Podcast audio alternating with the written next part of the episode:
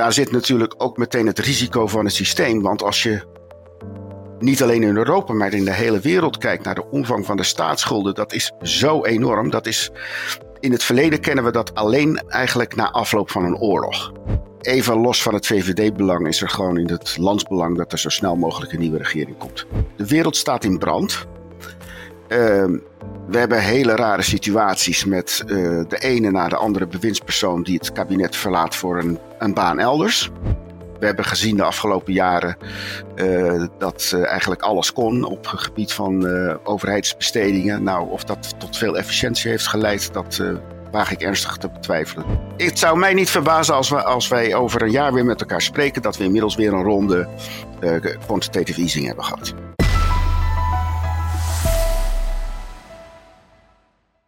Hallo allemaal, ik ben Paul Buitink, directeur bij edelmetaalbedrijf Holland Gold. En welkom bij een nieuwe aflevering van onze wekelijkse podcast over het financiële systeem, geopolitiek en edelmetaal met elke week weer interessante gasten. Abonneer je op ons kanaal en like deze video. Vandaag is mijn gast voor de tweede keer oud-minister van Financiën, oud-AFM-baas Hans Hogevorst. En we gaan vandaag praten over de kabinetsformatie, over de nieuwe begrotingsregels in Europa en de fiscaal-monetaire situatie in het Westen. Hans, welkom. Hallo, goedemorgen. Ja, vorige keer ben jij thuis in, in Den Haag, ja. ongeveer een jaar geleden. Uh, maar nu ben je in Londen. Ik ben, inmiddels, ik ben weer terug in Londen. Ja. ja, mijn vrouw heeft hier een baan gevonden en we besloten om toch maar weer terug te gaan. Ja. En ja, zit dus weer in de hoofdstad van het 2K. Ja, terwijl je het wel naar je zin had, volgens mij, weer terug in Den Haag. Ja, maar ja, Londen is ook leuk. Ja, dus ja. Ja. Uiteindelijk uh, is de vrouw de, de baas thuis. Dus dat ah, zij die Altijd. Altijd ja. nou, helemaal goed. Uh, fijn dat we het ook uh, online kunnen doen. Um, laten we beginnen met, met de formatie. Je hebt een maand of twee geleden volgens mij in, in de Telegraaf nog een ingezonden brief gestuurd. Dat wat jou betreft de VVD gewoon moet gaan meeregeren. Niet gedogen, maar gewoon in de regering. Um, hoe kijk jij nu naar het formatieproces?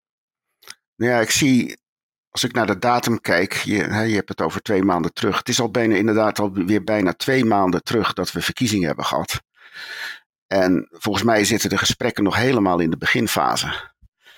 Uh, en zal het waarschijnlijk weer ontzettend lang gaan duren.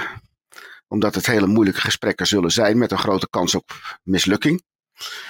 Um, en dat is toch wel heel erg ernstig. Dat is gewoonte geworden in ons uh, land. De vorige formatie die duurde 199 dagen. En dat was een, een, coalitie die eigenlijk continueerde. Dat zou heel snel hebben moeten gaan. Heeft meer, bijna 200 dagen geduurd. Dit gaat waarschijnlijk ook weer lang duren. De wereld staat in brand. Uh, we hebben hele rare situaties met uh, de ene na de andere bewindspersoon die het kabinet verlaat voor een, een baan elders. Uh, we hebben een kabinet dat nu in de Eerste Kamer een uh, spreidingswet uh, rond het asielprobleem verdedigt. Terwijl de meerderheid, de nieuwe meerderheid van de Tweede Kamer, dat niet wil. Dus het we zitten in een hele bijzondere situatie. En ehm, ja, waarom moet het allemaal zo verschrikkelijk lang duren? Ja, en in hoeverre is, is dat dan ook de verantwoordelijkheid en zegt schuld van, van de VVD dat het allemaal zo lang duurt? Nou ja, dat zit er wel. Dat, daar draagt natuurlijk uh, de VVD ook verantwoordelijkheid uh, voor. Men zit ook een beetje half in die formatie. want men wil uiteindelijk op een gedoogsituatie uitkomen. Ja, dus je praat over alles mee, maar wil dan niet de poppetjes leveren. Ik vind dat nog steeds moeilijk te begrijpen. Ook als je de kans hebt om eindelijk weer eens een minister van Financiën te leveren. Uh, en en uh, dat is hoog nodig, want de, de, de discipline is uit de overheidsfinanciën verdwenen. Dus dat schiet allemaal niet op. En ja, ik zou hopen dat de VVD tot de conclusie komt: het land heeft ons nodig. als de mogelijke coalitiepartijen, als die ons tegemoet willen komen met een strak begrotingsbeleid, dan gaan wij gewoon de mensen leveren dan schiet het allemaal een beetje op. Ja, want hoe langer dit duurt, hoe uh, funester uh, voor de VVD. Als ik uh, kijk naar de peilingen bijvoorbeeld. Ja, die staan nou stabiel laag.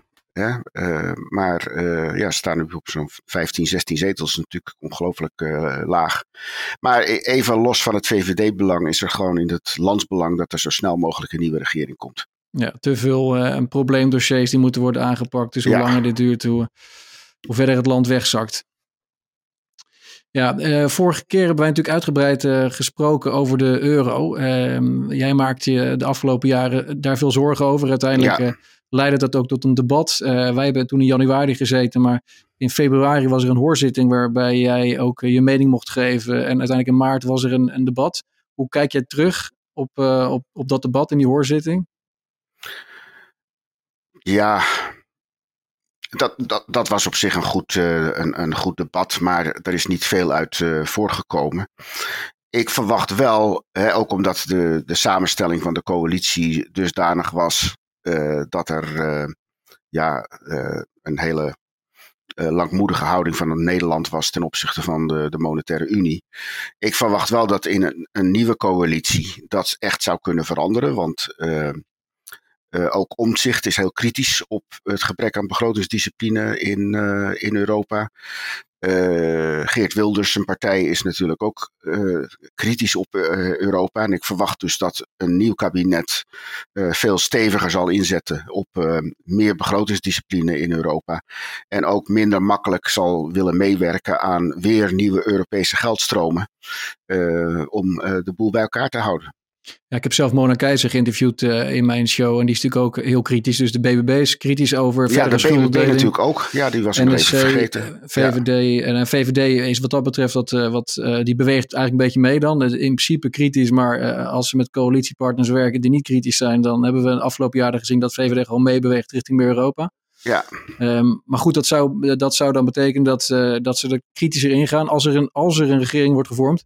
Tegelijkertijd zien we dat uh, Kaag als demissionair um, uh, minister wel nieuwe begrotingsregels heeft afgesproken die weer soepeler ja, zijn nou ja, dan, dan is, wat ze waren. Dat, dat onderstreept mijn verlangen naar een nieuw kabinet. Het is natuurlijk, er worden allerlei belangrijke besluiten genomen in, in Brussel, onder andere. en ja, daar uh, wordt nog steeds meegepraat door D66'ers, die gewoon heel anders in het Europa-dossier uh, zitten dan de nieuwe coalitie uh, zullen zitten. Dus ehm, vandaar vooruit met de geit. Ja. En ja, er zijn nu nieuwe begrotingsregels afgesproken. Nou, ik heb het geprobeerd tot me te nemen, maar het is allemaal weer ongelooflijk ingewikkeld met allerlei uitzonderingsbepalingen. Dus ik verwacht niet dat daar veel door zal veranderen. Nee, mijn, mijn afdronk is het is uh, flexibeler geworden en complexer. Kortom, ja. meer ruimte om, uh, om het naar je hand te zetten als lidstaat. Ja. ja. Maar is het, is het, eh, is het, blijft het bijzonder vinden dat uh, iets wat toch best wel wezenlijk is, dat dat dan uh, niet als, um, als een taboe werd verklaard. Of althans als een, uh, een controversieel onderwerp werd verklaard. Dus dat, nou ja, dat kijk, dit gewoon uiteindelijk, Ja, maar uiteindelijk is het, iets als het stabiliteitspact is, wordt volgens mij beslist in Europa met het Europees parlement. En dan kan Nederland, het Nederlands parlement kan zijn minister wel een opdracht meegeven van u kunt hier niet mee instemmen. Hè, dus in zoverre heeft het Nederlands parlement er nog wel wat over te zeggen. Maar het is uiteindelijk een Europese zaak. Ja, maar als de Raad akkoord gaat en, en uh, Rutte als demissionair premier uh, akkoord gaat in de Europese Raad, dan, dan hebben we het uiteindelijk toch gewoon weer weggegeven. Nou ja, dat is, uh, dat is het problematisch van de huidige situatie. En kan het dan nog weer teruggedraaid worden? Dat je, dat je kunt zeggen als, als, als, als straks als, als nieuwe premier Wilders bijvoorbeeld van nou ja, ik, ik heb het dossier bekeken en eigenlijk sta ik niet achter de besluiten van mijn voorganger. We, we komen daar Ik denk dat dat uitermate moeilijk is, eerlijk ja. gezegd maar uh, ja, het is natuurlijk toch vooral uh, zaak. Uh, het is nog niet afgezegend door de Tweede Kamer. ik, heb nog, ik, ik, heb nog geen brief van Kaag aan de Tweede Kamer gezien met het uiteindelijke voorstel, maar misschien heb ik dat gemist. Hè, dus ik, ik neem aan dat de Tweede Kamer daar nog over gaat praten. Ja, dat zou interessant kunnen gaan worden dan in de nieuwe samenstelling. Ja. Dan zou het zo kunnen zijn dat, dat uh, Rutte ja heeft gezegd, maar dat dan de VVD-fractie uh, nee gaat zeggen straks. In de nou ja, het is tot nu toe alleen nog maar bij de minister van Financiën geweest. Oké, okay. ja. Ja, ja ik, ik zie dat, dat de, de regels worden dus iets anders. Dus als je meer dan, dan 90% uh, schuld hebt, dan uh, mag je straks maar anderhalf procent tekort hebben. Dus wordt het, wordt het strenger. En het is nu natuurlijk 3% voor iedereen, maar straks wordt het dan 1,5% max tekort voor als je meer dan 90% schuld hebt. Dus Frankrijk, Italië, België. Maar Italië die heeft al de afgelopen tijd een tekort van 5%. En voor volgend jaar wordt dat voor dit jaar dus geschat op, op meer dan 4%. Dus als die regels dit jaar ingaan, dan hebben ze al gelijk het eerste jaar. Nee, maar er zijn meteen, dacht ik, drie ingroeijaren. Hè, dus voorlopig kan maar wel weer even voort. Maar kijk, ook Frankrijk zit uh, boven de 4% met zijn tekort. En heeft in geen 30 jaar een, uh, aan, aan, die, aan die regels voldaan. Dus uh, ik, ik zie het gewoon niet gebeuren. Ik ben er gewoon heel cynisch over, eerlijk gezegd. En, en iedereen die dit op de voet volgt, moet daar cynisch over zijn, volgens mij. En normaal gingen we samen met Duitsland dan een beetje eh, aan de kritische kant zitten. Maar nu was Kaag meer op de hand van Spanje en, uh, en, en Club Met dan... Nou ja, dat is... Ja, Kaag heeft consequent de lijn gevolgd. ik moet vooral een deal hebben met, met Frankrijk en Zuidelijk Europa. Maar zij was natuurlijk heel pro-Europees. Ja. en intussen ook, ja... ook Klaas Knot heeft in, in begin november weer een speech gegeven waarin hij onvervroren pleit voor een grote Europese begroting. en eh, en uh, een soort voortzetting van het recovery program in een soort meer permanente begrotingsvorm. En dan denk ik, ja, daar ga je helemaal niet over. Maar er is niemand, Kaag die is daarmee eens, dus die die zal hem niet tot de orde roepen. Het is zo dringend nodig dat er een minister van Financiën komt die zegt: ja, dat is onze lijn niet. Wij willen het anders. Ja, het, ja. het is eh, een beetje anarchie. Maar ja, we kunnen straks in een situatie komen, Hans, dat, uh, dat er niet uh, succesvol wordt geformeerd. En dat het dan over de linkerkant kan worden geprobeerd. En dat het daar wel lukt. En dat we de komende jaren alleen maar nog meer Europa, Europese samenwerking, integratie. Ja, alles kan. Alles kan, toch? Dan hebben we straks uh, premier Timmermans. En dan uh, gaan we. Ja, hoewel dat getalsmatig wel ongelooflijk ingewikkeld is hoor. Ja. Dacht ik. Dus nieuwe verkiezingen, dat wordt dan misschien nog een, een, een, eh, ja, realistische ik, ik zie, optie. Dat denk, dat denk ik wel, ja. Ja. En, um, maar dat zou natuurlijk ook dramatisch zijn. Ja. Maar uiteindelijk zitten bijvoorbeeld D66 en VVD zitten wel in dezelfde Europese alliantie. Hè? Dus uiteindelijk ehm, zitten ze toch wat dat betreft vaak op dezelfde lijn. Omdat, uh, ja, maar dat was, kijk, dat was ook in de, in de Bolkestein-periode was dat ook zo. Maar toen voerde VVD toch een veel strakkere lijn dan bijvoorbeeld de Belgische liberalen. Uh, en, uh, dus dat, dat staat niet in de weg dat je toch je eigen lijn kiest. Dus het kan zijn dat in Brussel, in, bijvoorbeeld in, via Renew Europe en de, de alliantie van de liberalen wordt besloten jongens, we moeten pro uh, die nieuwe begrotingsregels zijn en pro een nieuw fonds bijvoorbeeld. Hè, pro straks een nieuw uh, um, pan-Europees fonds vanwege klimaat, oorlog, energie, whatever. Dat er in Brussel, dat de VVD eigenlijk voor is, uh, maar nou, in Den Haag nee, tegen. Maar het is ook mogelijk dat de Europese uh, VVD'ers een strakke lijn volgen die afwijkt van die van hun Belgische collega's. Dat is ook wel eerder voorgekomen. Dus die dus partij, die, die, discipline wordt niet heel erg strak die is niet, zo, die is niet zo strak. Nee, oké. Okay. Nee, we, gaan, we gaan zien hoe, dit, uh, hoe het zich gaat uitpakken, dan die, die, die, regels. Ik denk dat die regels net zo goed als de oude regels uh, gewoon een wassen neus blijken te zijn. Ook omdat er geen boetes zijn. Hè? Er is ook nooit een boete gegeven volgens mij vanwege het, uh, het niet naleven van die regels. Um, weet je of daar nu meer rekening mee is gehouden in de nieuwe regels? Ga, nou, gaan we straks wel boetes Ook daar ben ik heel cynisch over, want dat kan ook al 25 jaar en het is nog nooit gebeurd. Nee. Uh, terwijl er dus heel veel overtredingen zijn geweest. En steeds wordt het uh, weggemasseerd. Ja, mijn hoop was altijd dat de, de no-bail-out clausule van het verdrag van Maastricht uiteindelijk tot orde zou leiden. Dat landen hun eigen zaak op orde moesten stellen. Maar ja, we hebben gezien wat er gebeurd is natuurlijk met het massale opkopen van staatsschuld door de, door de ECB. ja, is de discipline natuurlijk ook zoek geraakt. Ja, maar ECB-balans de afgelopen tijd natuurlijk wel um, verlaagd. Uh, rentes zijn een stuk hoger dan toen we elkaar een jaar geleden spraken. Je bent cynisch, maar biedt dat dan wat hoop? Dat de ECB wellicht wat strakker is? Nou ja, je, je, zou hopen dat uh, die hogere rentes, dat die uh, de regeringen noopt tot bijstelling. Want dat gaat langzaam, maar de het, het, aandeel van rentebetalingen in je begroting neemt natuurlijk langzamerhand erg toe. Die zijn vrijwel nihil geweest in de afgelopen jaren. Maar uh, dat, dat kan snel gaan, uh, uh, snel gaan klimmen. Maar daar zit natuurlijk ook meteen het risico van het systeem. Want als je niet alleen in Europa, maar in de hele wereld kijkt naar de omvang van de staatsschulden, dat is zo enorm. Dat is in het verleden kennen we dat alleen eigenlijk na afloop van een oorlog. We hebben nu geen oorlog gehad. Die, is, dat is nou net begonnen, maar dat is nog geen wereldoorlog, zal ik maar zeggen. Uh, hè, en toch hebben we al die enorme uh, staatsschulden. Um, en uh, we zitten dus in een hele ongewisse situatie. volgend jaar zowel het VK als de Verenigde Staten, die zullen enorm veel staatsschuld op de markt gaan brengen. Dat moeten ze gewoon kwijt. Um, en ja, het zou mij niet verbazen als er toch weer een moment komt dat de markt het niet aankunnen. En dat we weer krijgen dat de centrale banken gaan opkopen om de stabiliteit uh, uh, te bewaken.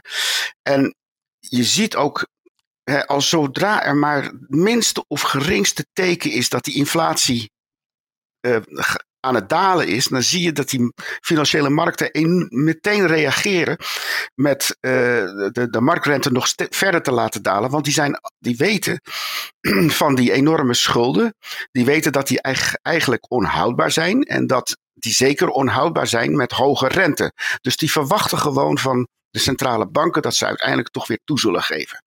En dat ze uiteindelijk toch weer de zaak gaan blussen. Uh, met lagere rentes of met opkopen van staatsschuld. Het zou mij helemaal niet verbazen als dat binnenkort toch weer uh, gaat gebeuren. Dat inflatie uh, door blijft sudderen boven de 2%. Dat men zegt, ja, maar dat halen we wel weer in. En dat komt wel een keertje. En dat we zo door blijven gaan. Ja, tot een moment dat er misschien toch echte problemen ontstaan. Ja, ik had laatst Nout Wellink uh, geïnterviewd en die uh, gaf ook aan dat hij gewoon de komende jaren zo'n structureel hogere inflatie verwacht als gevolg van alle, alle monetaire uh, steunmaatregelen uit het verleden, alle fiscale steun, maar ook natuurlijk vanwege de nieuwe wereld waarin we zitten, waarbij er steeds meer um, geopolitieke spanningen zijn en er wordt gedeglobaliseerd. Ja. Ehm, al dat soort zaken is natuurlijk ook inflatieverhogend.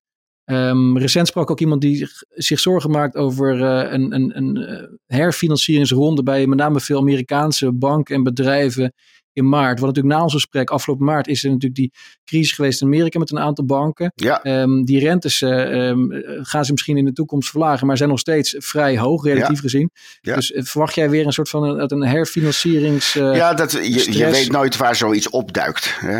Je had hier in Engeland na die die begroting van Trust een heel onverwachte ontwikkeling in de, de obligatiemarkt. Ja. ja, en eh, dus je weet nooit waar dat toeslaat. Maar eh, het, het is gewoon een kruidvat als je ernaar kijkt. Uh, ja. dat er weer problemen komen. Uh, ja, ik, het zou mij niet verbazen als, we, als wij over een jaar weer met elkaar spreken. dat we inmiddels weer een ronde uh, quantitative easing hebben gehad. Ja, dus dat hele QT, uh, dat, dat hebben ze gepoogd. Maar uiteindelijk wordt dat gewoon weer uh, omgezet naar uh, een nog grotere balans, lagere rentes. Ja, want die balansen zijn natuurlijk nog steeds erg hoog. Zeker in Europa. En ja, of men die echt omlaag zal weten te krijgen, ik vraag het me af. Ja, je wordt, daar word je inderdaad cynisch van. Ik ook. Dat je eigenlijk iedere keer weer hetzelfde, hetzelfde medicijn toedient. Ehm, terwijl uiteindelijk de patiënt alleen maar zieker wordt. als een soort van verslaafde die een nieuwe shot nou ja, en, Kijk, wat het ergste is, het leidt tot een enorme verloedering van de politiek. Ook omdat het gewoon de discipline weghaalt uit, uit het politieke bedrijf. En alles kan opgelost worden, maar er weer tegen, geld tegenaan te smijten. In, wat er nu allemaal in, in de Verenigde Staten gebeurt, is werkelijk onbeschrijfelijk. De, de economie draait op volle toeren. De arbeidsmarkt is nog nooit zo sterk geweest. En heeft men een tekort van 6,5% BBP. Elk economisch tekstboek vertelt je: dit gaat niet goed, dit is niet goed. Uh, en dat komt omdat uh, men in de Amerikaanse politiek geen uh, moeilijke besluiten meer durft te nemen. uit angst voor de kiezer. En, ja. en datzelfde zien we, zien we ook in Europa. Ja, maar kijk wat je nu natuurlijk in Duitsland enorme protesten. Um, ik zag ook dat uh, Poolse boeren en, en uh, Tsjechische boeren zich hebben aangesloten. Dus het, ja. in Frankrijk um, zijn er ook problemen.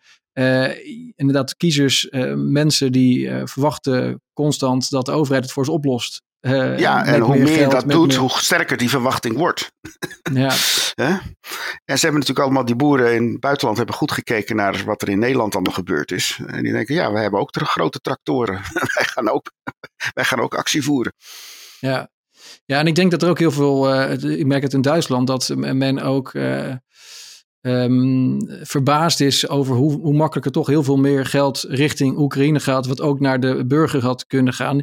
Die oorlog die, die, uh, die sleurt ook heel veel geld op bij, bij westerse landen. Ja. is, is, het, is het niet zaak om toch daar maar eens kritisch naar nee, te kijken? Nee, ik ben daar heel erg voor om daarmee door te gaan. Want wij hebben zelf geen defensie van de enige betekenis. Rusland is echt een gevaar en Oekraïne lost het voor ons op. Op een goedkope, ja, op een goedkope manier. Maar dat is natuurlijk heel cru, op een goedkope manier. Ze sterven daar honderdduizenden uh, mensen. Nee, het is vreselijk. Het is een vreselijke oorlog. En ik wil daar niet. Uh, uh, ik, ik heb het enorm met het land te doen. Maar daarom moeten we ze juist steunen. Want je, je, zou kunnen zeggen dat ze, uh, ja, ze beschermen het Westen tegen een, een, agressief Rusland. Dus het is echt in ons belang om dit te doen. Onze eigen defensie is zo verzwakt na decennia van uh, verwaarlozing. we gaan nu naar 2% BBP, maar eigenlijk is dat niet aan, aan defensieuitgaven. Maar is eigenlijk niet genoeg om de schade die eh, in de afgelopen decennia is uh, aangericht om dat snel ongedaan te maken. Dus ja, daarom, maar nu, stuur, nu, sturen we al die wapens naar Oekraïne toe en hebben we uiteindelijk nog minder defensie over. Want uiteindelijk hol je je eigen krijgsmacht uit door wapens die kant te sturen. Ja, maar dit, dit moet gewoon gebeuren. Als we dit laten lopen, dan, ja, dan wordt Rusland aangemoedigd om door te gaan met zijn agressieve politiek. Dus dit dan kijk je naar die realisten zoals uh, Mersheimer en Jeffrey Sachs die aangeven je kunt beter aansturen op een, op een bestand en dan wordt Oekraïne opgesplitst. Uh, maar kun je uiteindelijk wel naar een soort van langdurige uh, rustige situatie toe en, en stop je uiteindelijk ook met het zinloze um, ja, die zinloze strijd waar zoveel levens uiteindelijk ook nog zullen gaan sneuvelen als we maar door blijven gaan met het eh, sturen van Ja, nou ja, kijk, ik ben geen expert op dit terrein, maar uh, mijn boerenverstand vertelt me dat we op, bij zo'n situatie nog lang niet zijn. Uh, en dat we echt, uh, in, echt in, het, in het belang van het Westen is. dat we door blijven gaan met het steunen van Oekraïne op alle mogelijke manieren. En okay. dat, dat, dat moet dan maar wat kosten. Maar dat is goed besteed geld uh, voor een goede zaak.